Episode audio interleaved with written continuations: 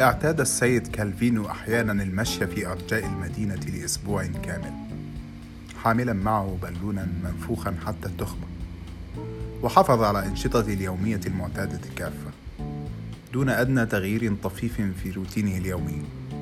جولة المشي الصباحية عبارة صباح الخير الجهورية النابعة من القلب التي كان يحيي بها كل من يصادفه من الحي النشاطات الضرورية المرتبطة بعمله عشاؤه المنظم تنظيما صارما غداءه الذي قد يكون أي شيء يصادفه ويتناوله دون اكتراث.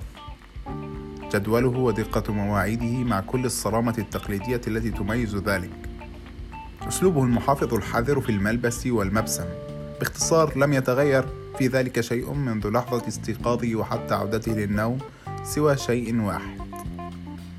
كان يمسك بسبابة يده اليمنى وإبهامه مسكا محكما بكامل الدقة التي تميز ساعات حذق. بخيط ينتهي ببالون منفوخ حتى التخمة. بالون يحمل يحمله معه طيلة اليوم في العمل في البيت في الشارع عند بائع الخضار حيث كان يطلب بشكل دوري تفاحا أشد توردا من وجنات الصبايا البريئات.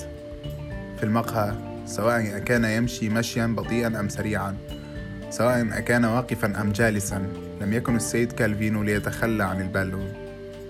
كان يريد اطمئنان على الدوام بأنه لن ينفجر.